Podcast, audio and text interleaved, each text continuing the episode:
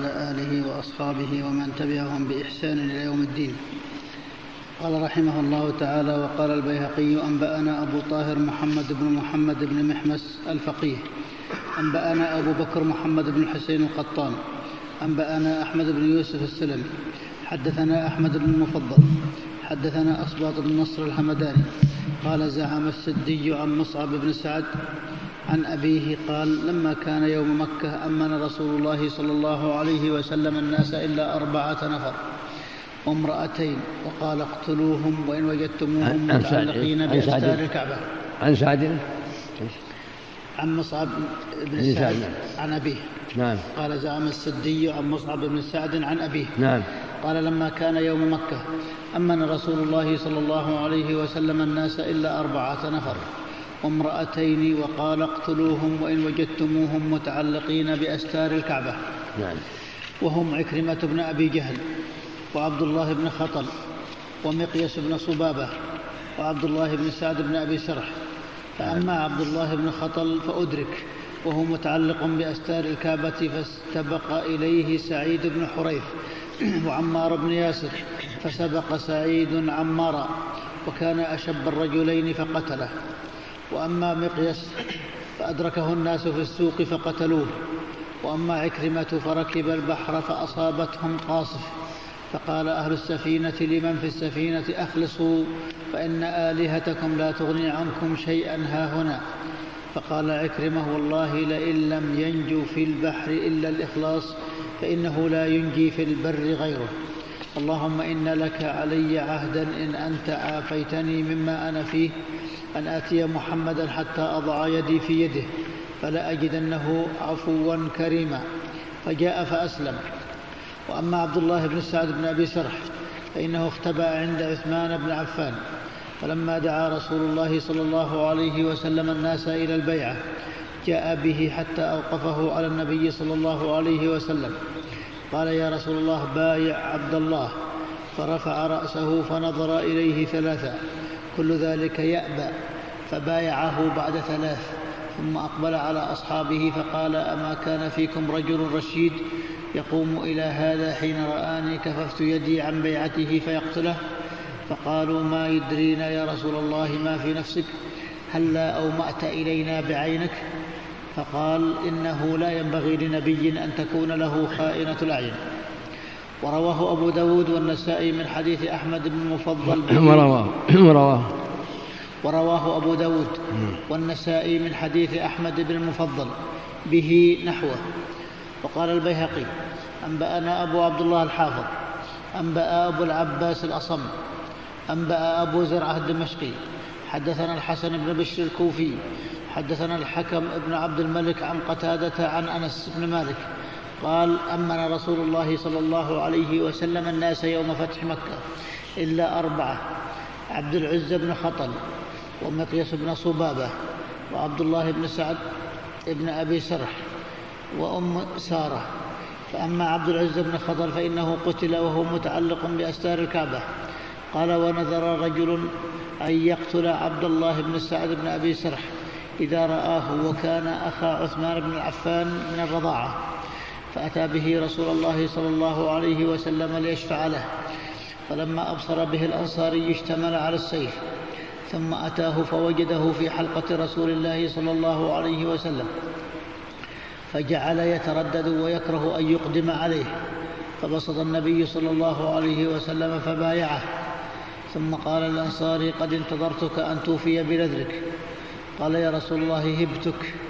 أفلا أومضت إلي قال إنه ليس للنبي أن يومض وأما مقص بن صبابة فذكر قصته في قتله رجلا مسلما بعد إسلامه ثم ارتداده بعد ذلك. قال وأما أم سارة فكانت مولاة ل... فكانت مولاة لقريش. وأما فكانت وأما مقيس بن صبابة. وأما مقيس نعم. وأما مقص بن صبابة نعم. فذكر قصته في قتله رجلا مسلما بعد إسلامه ثم ارتداده بعد ذلك. قال وأما أم سارة فكانت مولاة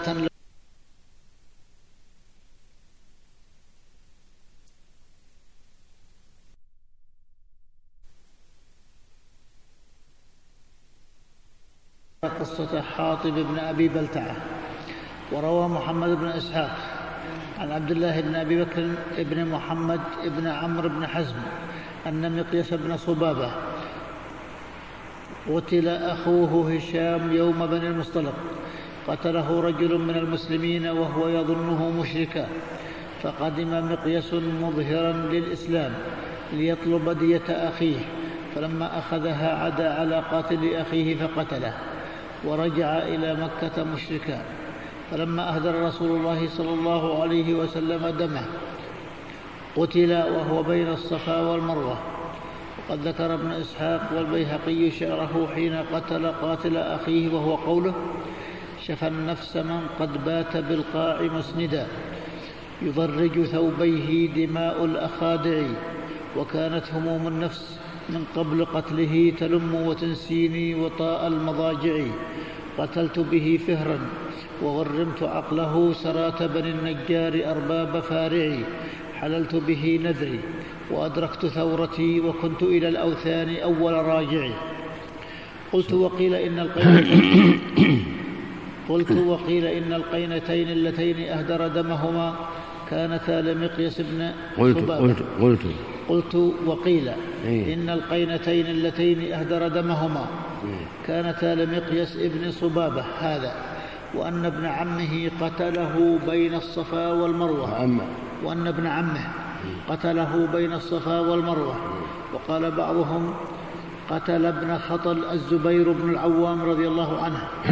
قال ابن إسحاق حدثني سعيد بن أبي هند عن أبي مرة مولى عقيل بن أبي طالب أن أم هان ابنة أبي طالب قالت لما نزل رسول الله صلى الله عليه وسلم بأعلى مكة فر إلي رجلان من أحمائي من بني مخزوم قال ابن هشام هما الحارث بن هشام وزهير بن أبي أمية بن المغيرة قال ابن إسحاق وكانت عنده هبيرة بن أبي وهب المخزومي قالت فدخل علي أخي علي بن أبي طالب فقال والله لأقتلهما فأغلقت عليهما باب بيتي.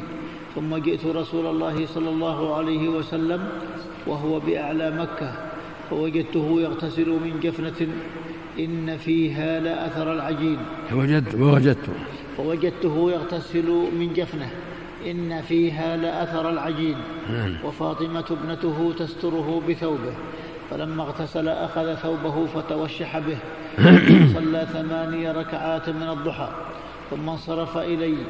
فقال مرحبا وأهلا بأم هانة ما جاء بك؟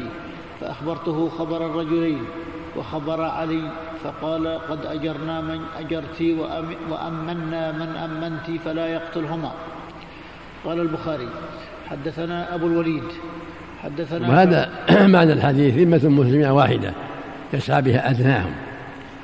فإذا أمنت المرأة أحد يؤمن حتى يرد إلى ما أمنه ولهذا قال صلى الله عليه وسلم قد أجرنا من أجرت. والله جل وعلا يقول وإن أحد من المشركين استجارك فأجره حتى يسمع كلام الله.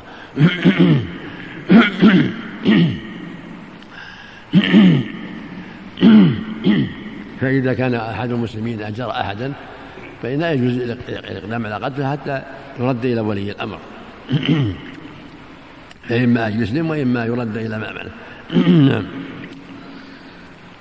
وقال البخاري حدثنا أبو الوليد حدثنا شعبة عن عمرو بن مرة عن ابن أبي ليلى قال ما أخبرنا أحد أنه رأى النبي صلى الله عليه وسلم يصلي الضحى غير أم هانئ فإنها ذكرت يوم فتح مكة أن النبي صلى الله عليه وسلم اغتسل في بيتها ثم صلى ثماني ركعات. قالت ولم أره صلى صلاة أخف منها غير أنه يتم الركوع والسجود وفي صحيح مسلم من حديث الليث عن يزيد عن يزيد بن أبي حبيب عن سعد بن أبي هند أن أبا مرة مولى عقيل حدثه أن, أن أم هانئ بنت أبي طالب حدثته أنه لما كان عام الفتح فر إليها رجلان من بني مخزوم فأجارتهما. قالت فدخل علي علي فقال أقتلهما. فلما سمعته أتيت رسول الله صلى الله عليه وسلم وهو بأعلى مكة. فلما رآني رحب وقال ما جاء بك؟ قلت يا نبي الله كنت أمنت رجلين من أحمائي فأراد علي قتلهما. فقال رسول الله صلى الله عليه وسلم قد أجرنا من أجرت يا أم هانئ.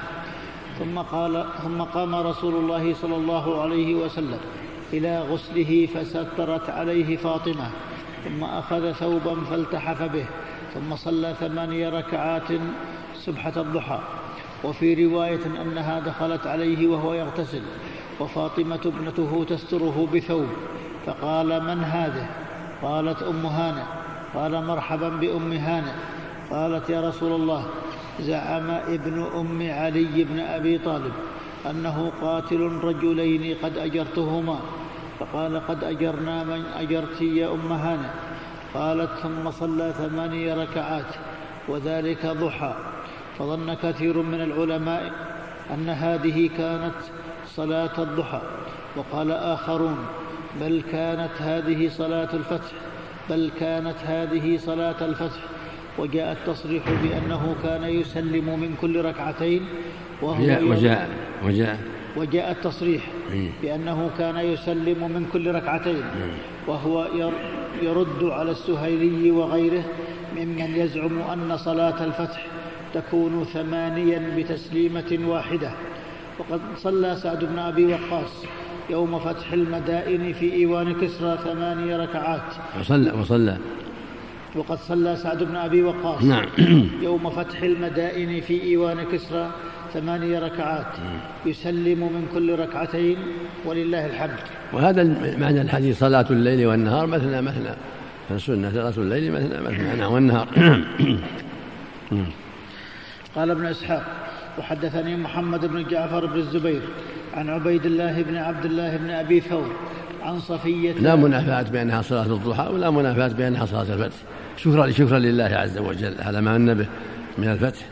هذا من شكر الله سبحانه. وإذا صلى ثمان ركعات أو أقل أو أكثر شكرا لله عز وجل. كان ذلك فيه السنتان سنة شكر الله وسنة صلاة الضحى. فإن صلاة الضحى سنة مؤكدة. قد أوصى بها النبي صلى الله عليه وسلم جماعة من الصحابة رضي الله عنهم وأرضاهم. فهي سنة مؤكدة في جميع الأيام.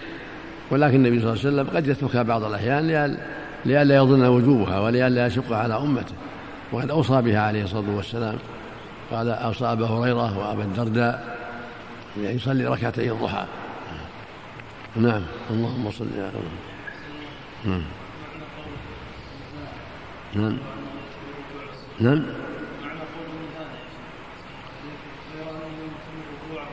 يعني ما طول فيها كثير. يعني يتم الركوع لكن ما هي صلاة طويلة.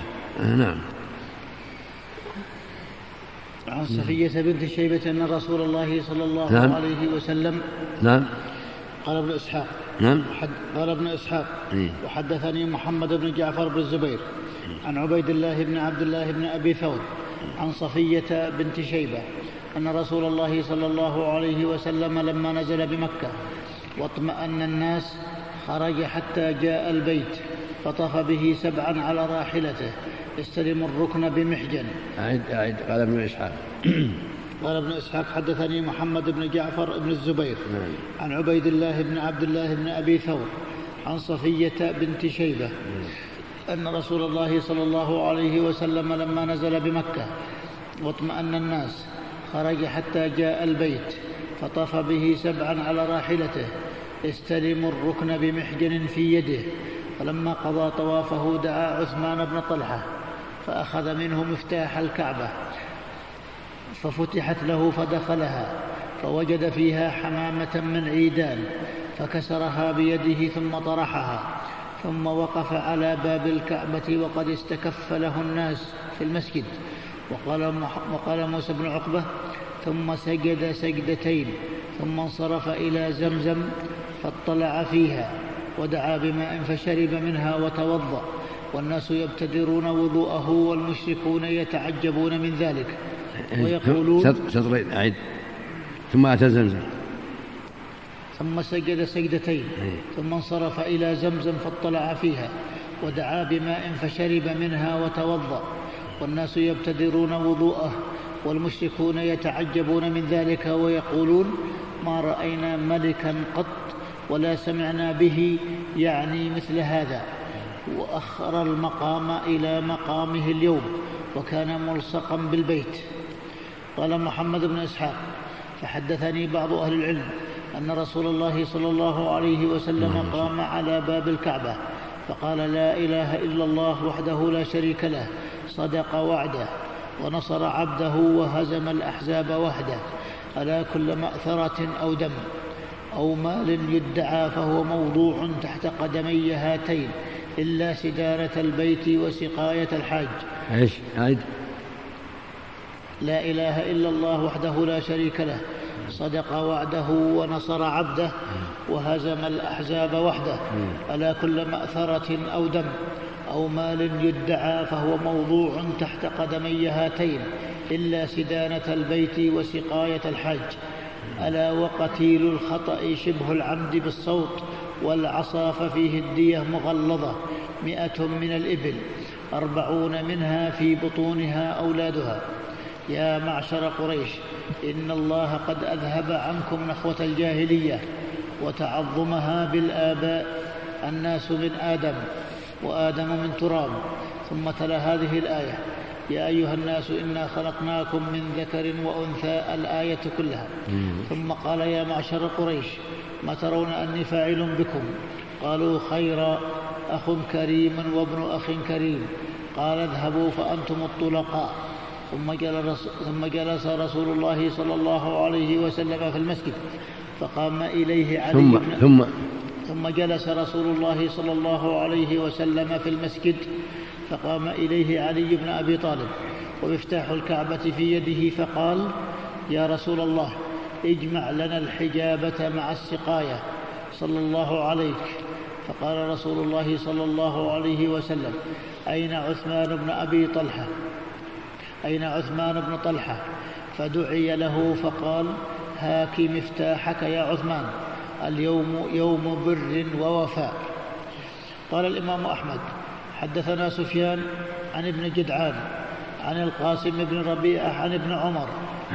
وقال قال ابن إسحاق. قال الإمام أحمد حدثنا سفيان بن حدثنا سفيان عن ابن جدعان عن القاسم بن ربيعة عن ابن عمر. قال قال رسول الله صلى الله عليه وسلم يوم فتح مكة وهو على درج الكعبة. الحمد لله الذي صدق وعده ونصر عبده وهزم الأحزاب وحده. ألا إن قتيل العمد الخطأ بالصوت أو العصا فيه مئة من الإبل. وقال مرة أخرى مغلظة فيها أربعون خلفة في بطونها أولادها. ألا إن كل مأثرة كانت في الجاهلية ودم ودعوى وقال مرة ومال تحت قدمي هاتين ألا ما كان من سقاية الحاج وسدانة البيت فإنهما أمضيتهما لأهلهما على ما كانت. وهكذا رواه أبو داود والنسائي وابن ماجه من حديث علي بن زيد بن جدعان عن القاسم بن ربيعة بن جوشن الغطفاني عن ابن عمر به. قال ابن هشام وحدثني بعض أهل العلم أن رسول الله صلى الله عليه وسلم دخل البيت يوم الفتح فرأى فيه صور الملائكة وغيرهم ورأى إبراهيم مصورا في يده الأزلام يستقسم بها فقال قاتلهم الله جعلوا شيخنا يستقسم بالأزلام ما شأن إبراهيم والأزلام ما كان إبراهيم يهوديا ولا نصرانيا ولكن كان حنيفا مسلما وما كان من المشركين. ثم أمر بتلك الصور كلها فطمست. وقال الإمام أحمد حدثنا سليمان أنبأنا عبد الرحمن عن موسى بن عقبة عن أبي الزبير عن جابر. قال كان في الكعبة صور فأمر رسول الله صلى الله عليه وسلم أن يمحوها. وقال الإمام أحمد وقال الإمام أحمد. وقال الإمام أحمد حدثنا سليمان أنبأنا عبد الرحمن عن موسى بن عقبة نعم. عن أبي الزبير عن جابر نعم قال كان في الكعبة صور فأمر رسول الله صلى الله عليه وسلم أن يمحوها فبل عمر ثوبا ومحاها به فدخلها رسول الله صلى الله عليه وسلم وما فيها منها شيء وقال البخاري حدثنا صدقة بن الفضل حدثنا ابن عيينة عن ابن أبي نجيح عن مجاهد عن ابن معمر عن عبد الله هو ابن مسعود. قال دخل رسول الله صلى الله عليه وسلم مكة يوم الفتح وحول البيت ستون وثلاثمائة صنم فجعل يطعنها بعود في يده ويقول جاء الحق وزهق الباطل جاء الحق وما يبدئ الباطل وما يعيد. وقد رواه مسلم من حديث ابن عيينة وروى البيهقي عن ابن إسحاق عن عبد الله بن أبي بكر عن علي عن علي بن عبد الله بن عباس عن أبيه قال دخل رسول الله صلى الله عليه وسلم يوم الفتح مكة وعلى الكعبة ثلاثمائة صنم فأخذ قضيبه فجعل يهوي إلى الصنم وهو يهوي حتى مر عليها كلها ثم يروي من طريق سويد عن القاسم بن عبيد عن القاسم بن عبد الله عن عبد الله بن دينار عن ابن عمر أن رسول الله صلى الله عليه نعم. وسلم لما دخل مكة وجد فيها ثلاثمائة وستين صنما فأشار إلى كل صنم بعصا وقال جاء الحق وزهق الباطل إن الباطل كان زهوقا فكان لا يشير إلى صنم إلا ويسقط من غير أن يمسه بعصاه ثم قال وهذا وإن كان ضعيفا فالذي قبله يؤكده. وقال حنبل بن إسحاق أنبأنا أبو الربيع عن يعقوب القمي حدثنا جعفر بن أبي المغيرة عن ابن أبزة قال لما افتتح رسول الله صلى الله عليه وسلم مكة جاءت عجوز شنطاء حبشية تخمش وجهها وتدعو بالويل فقال رسول الله صلى الله عليه وسلم تلك نائلة أيست أن تعبد ببلدكم بعد تلك هذا؟ تلك. تلك نائلة إيه. أيست أن تعبد ببلدكم هذا أبدا؟ وقال ابن هشام. كذا كذا. أعيد ولم إيش؟ قال حنبل بن إسحاق. أنبأنا أبو الربيع عن يعقوب القمي. حدثنا جعفر بن أبي المغيرة عن ابن أبزة. قال لما افتتح رسول الله صلى الله عليه وسلم مكة جاءت عجوز شمطاء حبشية تخمش وجهها وتدعو بالويل. فقال صلى الله عليه وسلم تلك نائلة أي تلك نائلة. من لام؟ نائلة نعم. من لام؟ نائلة نعم, نعم. همزة ثم لام ثم نعم. مربوطة. تلك نائلة أيست أن تعبد ببلدكم هذا أبدا؟ قال ابن هشام حدثني من أثق به من أهل الرواية في إسناد الله عن ابن شهاب عن عبيد الله بن عبد الله بن عتبة عن ابن عباس أنه قال دخل رسول الله صلى الله عليه وسلم مكة يوم الفتح على راحلته فطاف عليها وحول الكعبة أصنام مشدودة بالرصاص فجعل النبي صلى الله عليه وسلم يشير بقضيب في يده إلى الأصنام ويقول جاء الحق وزهق الباطل إن الباطل كان زهوقا. فما أشار إلى صنم منها في وجهه إلا وقع لقفاه ولا أشار إلى قفاه إلا وقع لوجهه حتى ما جاء منها صنم إلا وقع. فقال تميم بن أسد الخزاعي وفي الأصنام معتبر وعلم لمن يرجو الثواب أو العقاب. وفي صحيح مسلم عن سنان بن فروخ عن سليمان بن المغيرة عن ثابت عن عبد الله بن رباح عن أبي هريرة في حديث فتح مكة قال وأقبل رسول الله صلى الله عليه وسلم حتى أقبل على الحجر فاستلمه وطاف بالبيت وأتى إلى صنم إلى جنب البيت كانوا يعبدونه وفي يد رسول الله صلى الله عليه وسلم قوس وهو آخذ بسيتها. فلما أتى على الصنم جعل يطعن في عينه ويقول جاء الحق وزهق الباطل إن الباطل كان زهوقا. فلما فرغ من طوافه أتى الصفا فعلى عليه حتى نظر إلى البيت فرفع يديه وجعل يحمد الله ويدعو بما شاء أن يدعو. قال البخاري أعد أعد ثلاث تصدر؟